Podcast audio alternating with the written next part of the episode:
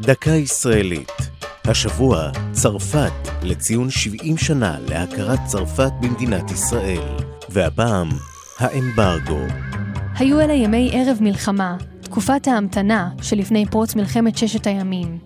בשנים שקדמו לתקופה זו, הייתה צרפת בעלת בריתה הנאמנה ביותר של ישראל הצעירה, והספקית העיקרית של מטוסים וספינות לצה"ל.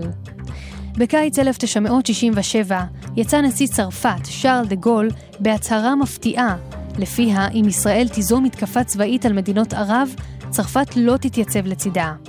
עוד בטרם בחרה ישראל לצאת למתקפת מנע, יומיים לפני הקרבות, הטילה צרפת אמברגו, ועצרה באחת את משלוחי הנשק, בהם מטוסי המיראז' 5, שתוכננו במיוחד לחיל האוויר הישראלי, לצד משלוחי ספינות ועוד ציוד. למרות זאת, הצליח צה"ל להכריע את צבאות מצרים, סוריה וירדן בשישה ימים, אולם סבל ממחסור אדיר בנשק. ישראל פנתה לארצות הברית, וזו סיפקה לנו אמצעי לחימה חדישים. לצד זאת, השכילה מערכת הביטחון לצמוח מן המשבר, וטיפחה תעשייה משגשגת של פיתוח נשק וייצורו.